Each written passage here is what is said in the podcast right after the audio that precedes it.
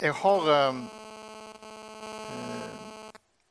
vært ulydig holdt på å si, mot eh, kallet mitt lenge. Helge Terje har spurt meg mange ganger om jeg vil tale, og jeg har sagt nei hver gang. Eh, jeg syns det er utrolig vanskelig egentlig å stå foran en sånn forsamling. Eh, jeg syns det er helt fantastisk å stå foran nyfrelste og undervise nyfrelste og starte opp ting. Og, og, og der syns jeg det er fantastisk. Men å stå foran en etablert forsamling syns jeg er utfordrende. Så um, Derfor har jeg sagt nei så mange ganger. Men nå har jeg uh, Gud var på meg i fjor. Han sa at uh, gaven som du har fått, den må du forvalte. Og, og litt av det som jeg skal snakke om i dag, er faktisk lydighet mot Guds ord.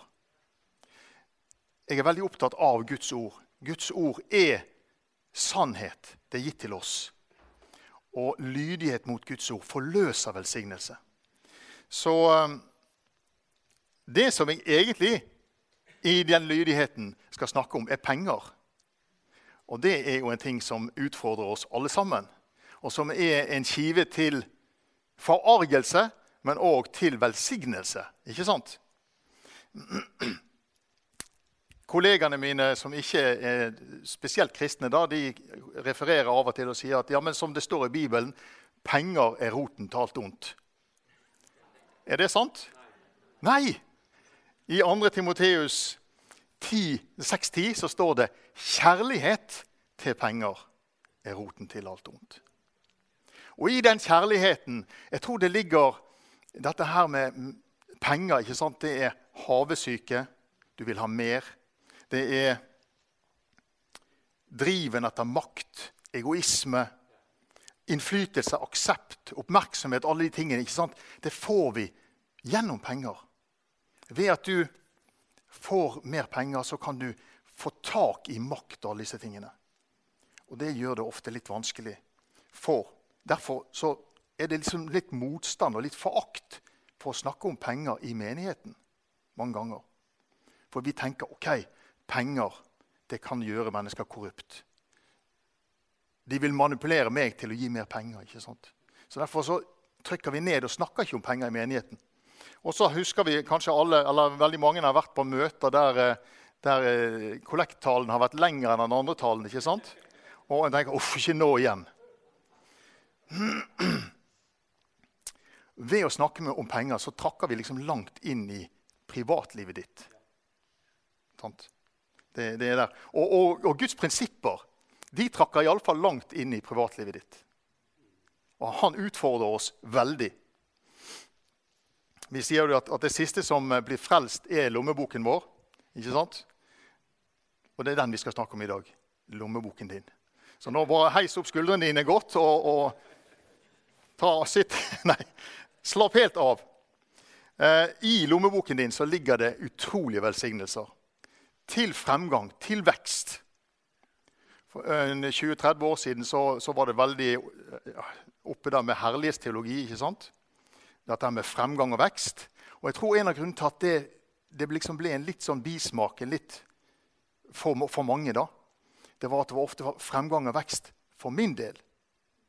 Det ble litt sånn egoistisk. ikke sant? Det ble litt fokus på at det var jeg, meg det gjaldt. Det var jeg som skulle ha framgang og vekst. Og så glemte man at vi er et rør som gir vel, som velsignelsen skal flyte gjennom.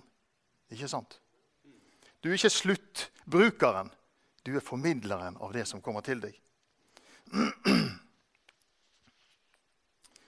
Er det så viktig å snakke om penger? Kan vi ikke bare la det ligge, vil du si?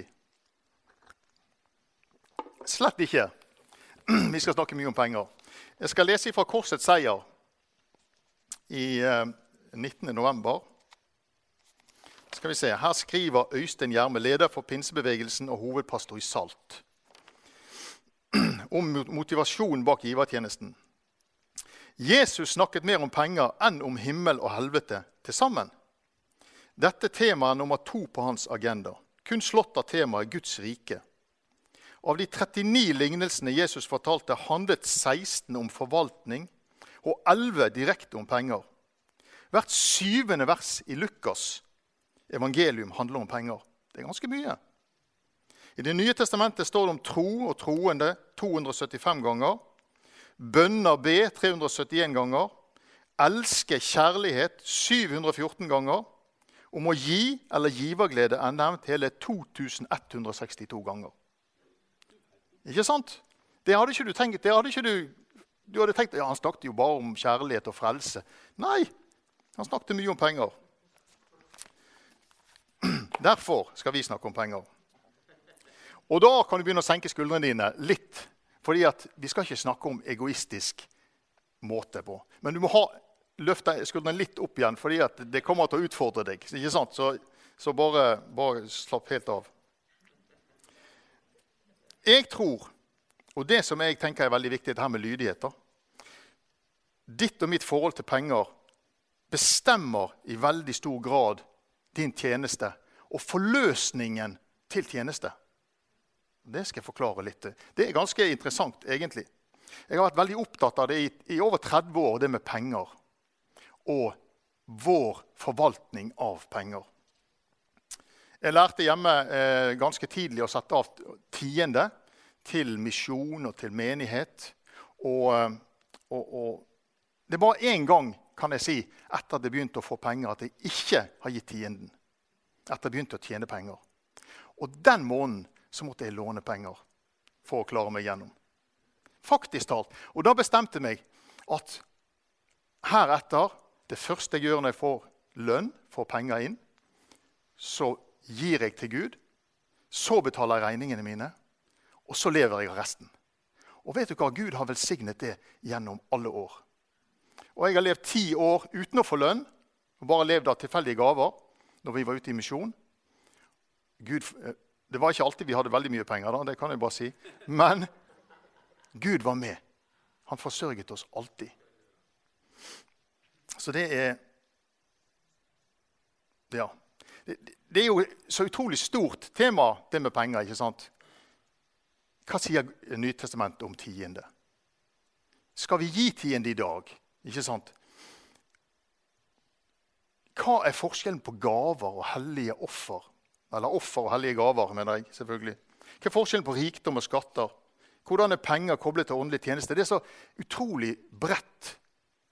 Det, handler om så mye. Og, ved å gå inn i det så kan en oppdage nye sider i, eh, i Bibelen og med Gud. Og man kan oppleve velsignelser.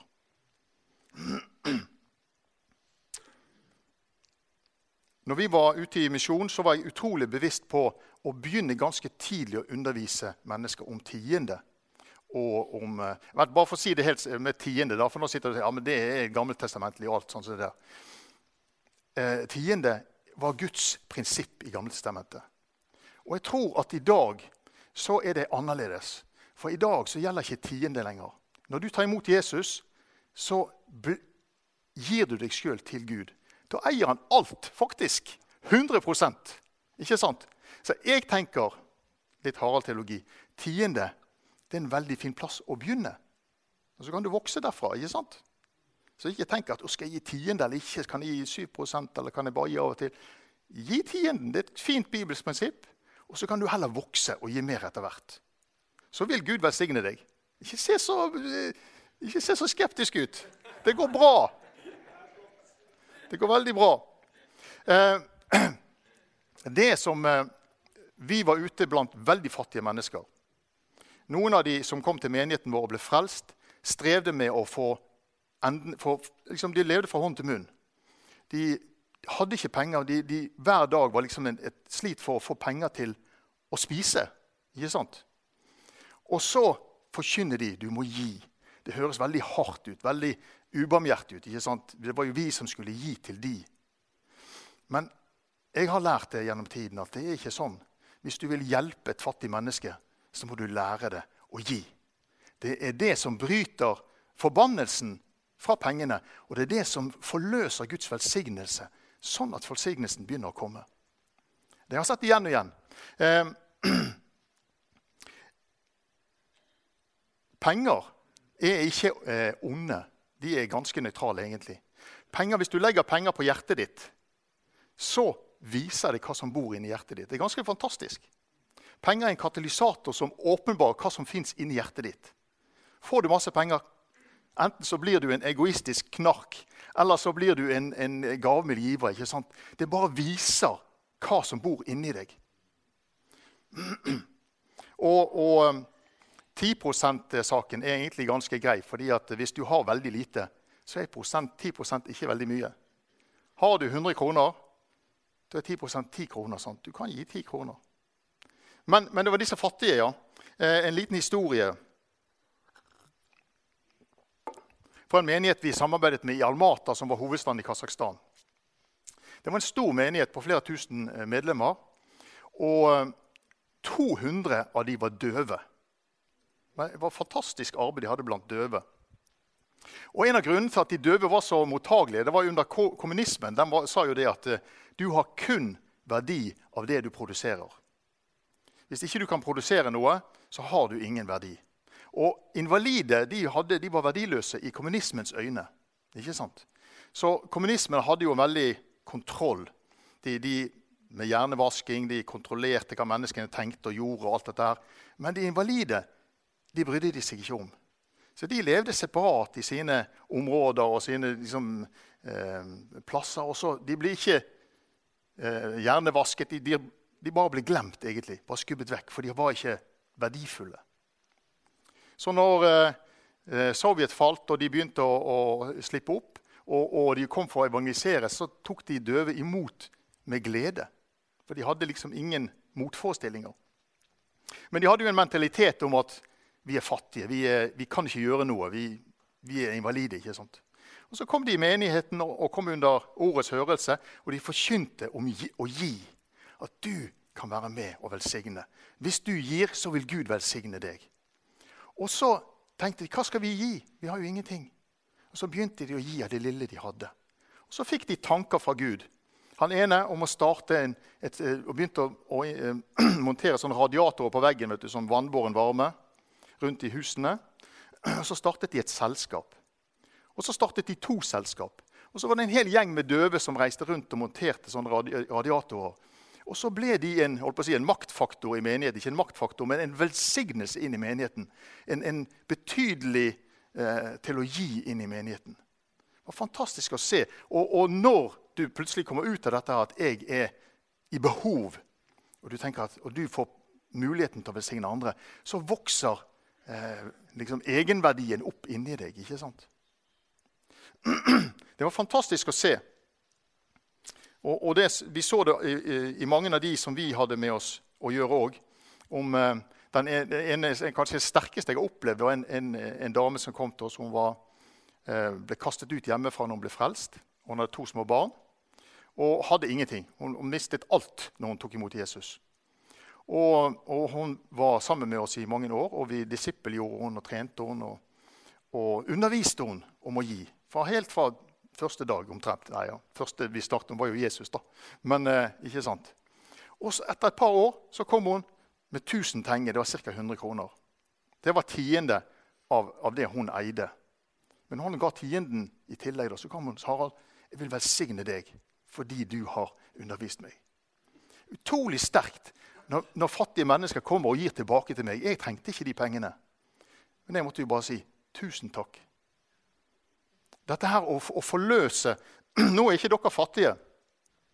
Eh, Svigermoren min hun vokste opp på Vestlandet i, i, eh, i Indremisjonen. Og så kom hun til Skien her og var med i Frelsesarmeen. Og hun sa det. Pinsevennene, de er rike, de, sa hun. Hvorfor er de rike, da, sa, sa Mette, kona mi. De gir så mye penger. De må jo være rike. Det er jo litt fantastisk, da. Den eldre generasjonen er givere. Fantastisk. Og, og, det trenger vi alle å være. Å lære dette med å gi. I, i Lukas eh, 6,38 står det Gi, så skal dere få. Et godt mål, sammenristet, stappet og breddfullt, skal dere få i fanget. For det målet dere selv måler med, skal det også måles opp til dere. Lukas 6, 38. Penger har en tendens til å gripe fatt i oss, i å, kontrollere oss. ikke sant? Lysten etter mer. Eller det å, frykten for å miste det lille du har. Begge to er en Egentlig så setter du de over Gud, for Gud er din forsørger. Du må se til Gud når det gjelder eh, din, som, at han er på, på forsørgerplassen. Og Guds medisin for å bryte den kontrollen som pengene har over livet ditt, det er å gi.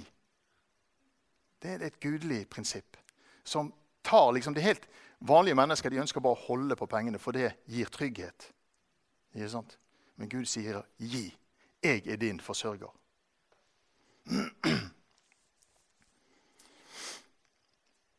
Han sier i det samme målet dere måler opp med, skal det måles tilbake til dere. Og jeg, tenker, jeg bare har lyst til å vise litt. Det er en veldig barnslig eh, sak. Teskje, ikke sant? Ok, Hvis du gir til Gud med teskje Du gir litt til Gud. Så får du med samme teskjeen tilbake. Da sier du nei, Gud, det der var stusslig. Den velsignelsen der var liten. Jeg kunne fått litt mer, Gud. Det er ikke meg som sier dette her. Det står i Bibelen. Men det samme målet du gir, så vil du få tilbake.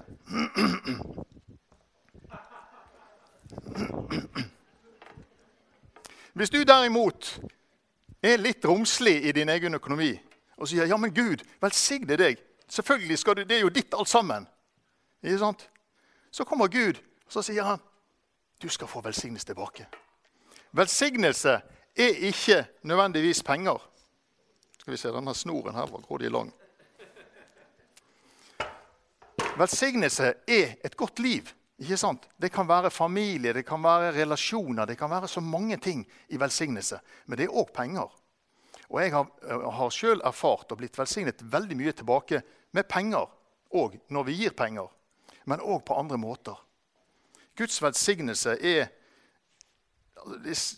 Helge Terje han står her og ønsker dere hjem. Sant? Herren velsigne deg og bevare deg. Sant? Det er jo velsignelse vi snakker om. i, altså, det, er gode ting. Herren vil velsigne oss.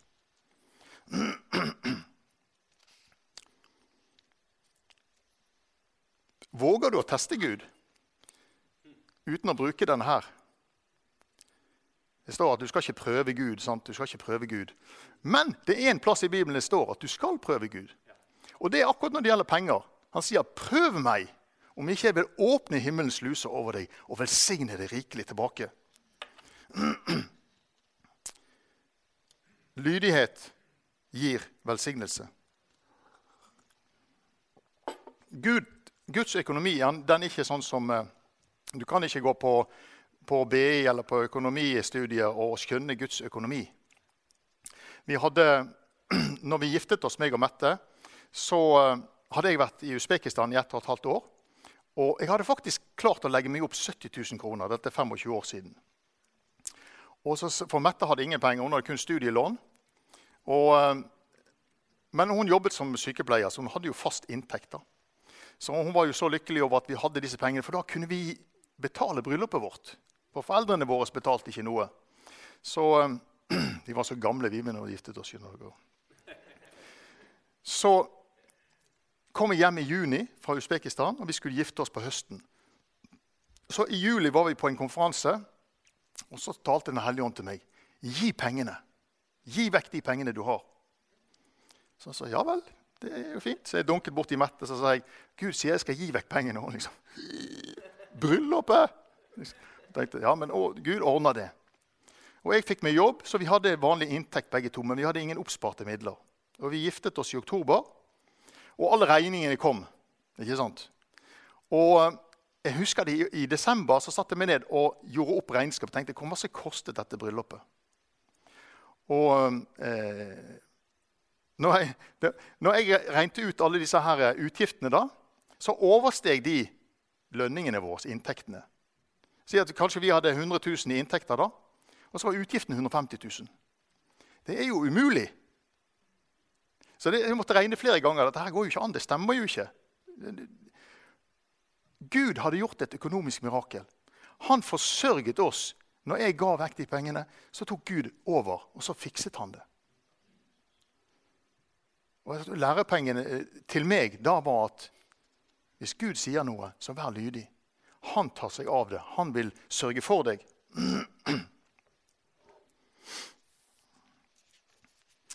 I, I, Lukas 16 så står det om den rike mannen og den heter, urettferdige forvalteren. Der var det en, en, en mann som forvaltet eh, en rik manns penger.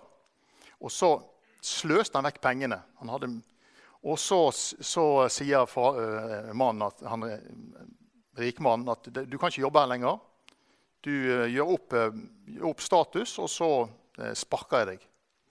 Og så tenkte han hva skal jeg gjøre? Så gikk han og, og så tenkte han ok, jeg må gjøre noe sånn at de, noen tar imot meg når jeg ikke har jobb lenger. Så han innkalte alle de som skyldte herren hans penger, og så etterga han de gjelden. Og så sa han ok, når jeg blir sparket, så kan jeg gå til disse menneskene, og så skylder de meg, og så vil de ta imot meg i sine boliger. Og så sier Jesus, ikke vær sånn som den urettferdige forvalteren, men likevel, skaff dere ved hjelp av den uhederlige mammon. Skaff dere venner ved hjelp av den uhederlige mammon, altså pengene så de kan ta imot dere i de evige boliger når pengene tar slutt. Så ved hjelp av penger så kan vi skaffe oss venner i himmelen. Altså Mennesker kan bli frelst gjennom pengene du gir. ikke sant? Og så, veldig viktige ting her, den som er tro i smått, er også tro i stort. Den som er uredelig i smått, er også uredelig i stort. Om dere ikke har vært tro når det gjelder den uhederlige mammon, hvem vil da betro dere de virkelige verdier? Og dersom dere ikke har vist trostrap med det som hører andre til, hvem vil da gi dere noe dere selv kan eie? Om dere ikke har vært tro når det gjelder den uhederlige mammon, hvem vil da betro dere de virkelige verdier? Det som Jesus sier med ganske klare ord da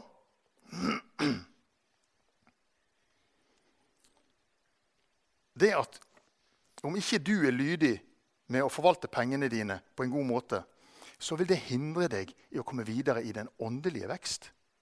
Det er det han sier i den åndelige tjeneste. Jesus sier at hvis ikke du forvalter pengene dine riktig, så tør ikke jeg å gi deg en åndelig tjeneste. Det er egentlig det han sier. Det er nesten som en eksamen, som en test. Hvordan bruker du, hvordan forvalter du det jeg har gitt deg? Det handler ikke bare om penger, det gjelder om hele livet ditt. Hvordan forvalter du de velsignelsene jeg har gitt deg. Hvis ikke du forvalter dem på en riktig måte, hvordan skal jeg kunne gi deg de virkelige verdier? sier Gud. Og det utfordrer meg, og det utfordrer nok deg òg. Hvordan forvalter vi de verdiene Gud har gitt oss? Det var jo ikke penger i Gammeltestamentet når de snakket om tiende. Da kom de med kalver og okser og jeg holdt på å si griser. Det gjorde de ikke. Men, men med, med sauer og korn og olje. ikke sant? Men de kom med det de hadde. Og det er det vi kan tenke på òg. Så for å sette det på spissen, da. Hvis du ikke har noen forløsning i ditt åndelige liv, i din tjeneste, så kikk litt på hvordan du forvalter din økonomi i henhold til Bibelen. Se på hva Bibelen sier om det, og la Gud utfordre deg.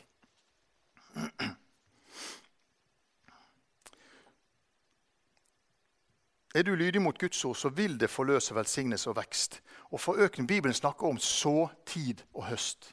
Ikke sant? Så, tid og høst. Så, vente og høst. Det er ikke sånn at hvis du sår i dag, så høster du i morgen. Hvis du skal så gresset ditt på plenen i dag, så kommer det ikke opp fint gress, grønt gress i morgen. Det tar tid.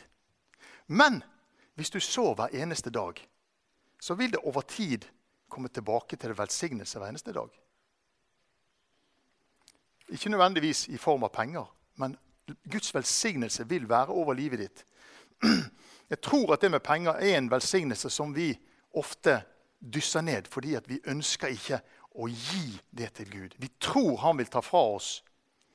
Vi, vi, tror han ikke ønsker oss gode ting. Men, men vi, spør vi han inn i livet vårt sant? når vi skal reise på ferie Gud, hva syns du om denne ferien? Bør jeg reise i år, eller hva skal jeg gjøre? Skal jeg bygge denne garasjen? Skal jeg gjøre dette, Gud? Og ta han med inn i de tingene som, der økonomien vår spiller en rolle. Det er veldig spennende, egentlig. Noen ganger så er det et offer. Jeg har spart til motorsykkel to ganger. Og når jeg har hatt nok penger, så har Gud sagt 'gi pengene dit'. Og så begynner jeg å spare igjen. Så. Men jeg tror at Gud skal gi meg en motorsykkel en dag. Kanskje i himmelen. Vi får se. Men når du er lydig, så kommer det velsignelse. Det er ikke sånn at det liksom Ja, Gud, du er Guds barn. Han vil velsigne deg. Hensikten med å velsigne deg er at du skal være en velsignelse for andre. Ikke sant? Det er utrolig bra å være rik hvis du har et bra hjerte. For da kan du formidle din rikdom videre til andre.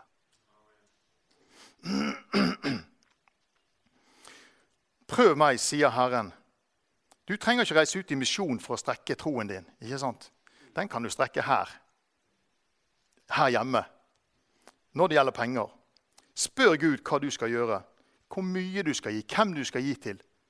Av dine goder. Det trenger ikke å være penger. som sagt. Det kan være, Skal du låne ut hytta di til noen, skal du låne ut huset ditt til noen, eller bilen din, eller eh, gi dem et smil. eller sånt. Det er så mange ting man kan gi. Og glem ikke at du er velsignet for å være en velsignelse. Og tenk på det. Ved å investere i misjon, i menighet, så kan du samle deg venner som tar imot deg i himmelen. Som kanskje møter deg en dag og som sier på grunn av at du ga, så fikk jeg høre evangeliet. Det er en utrolig velsignelse for oss. Så jeg tenker det med lydighet og hvis du kjenner nei, men det, det der har jeg levd i hele livet, det, ikke, det, betyr ikke noe for meg. Eller det betyr jo selvfølgelig noe for deg, men lydighet. Alle kan bli utfordret av Bibelen på noen områder i sitt liv. Vær lydig mot, Når du leser Bibelen, så se hva betyr dette i praksis for meg. Hvordan kan jeg respondere på det? Og spør Gud hva vil du jeg skal gjøre. Vær lydig mot Guds ord.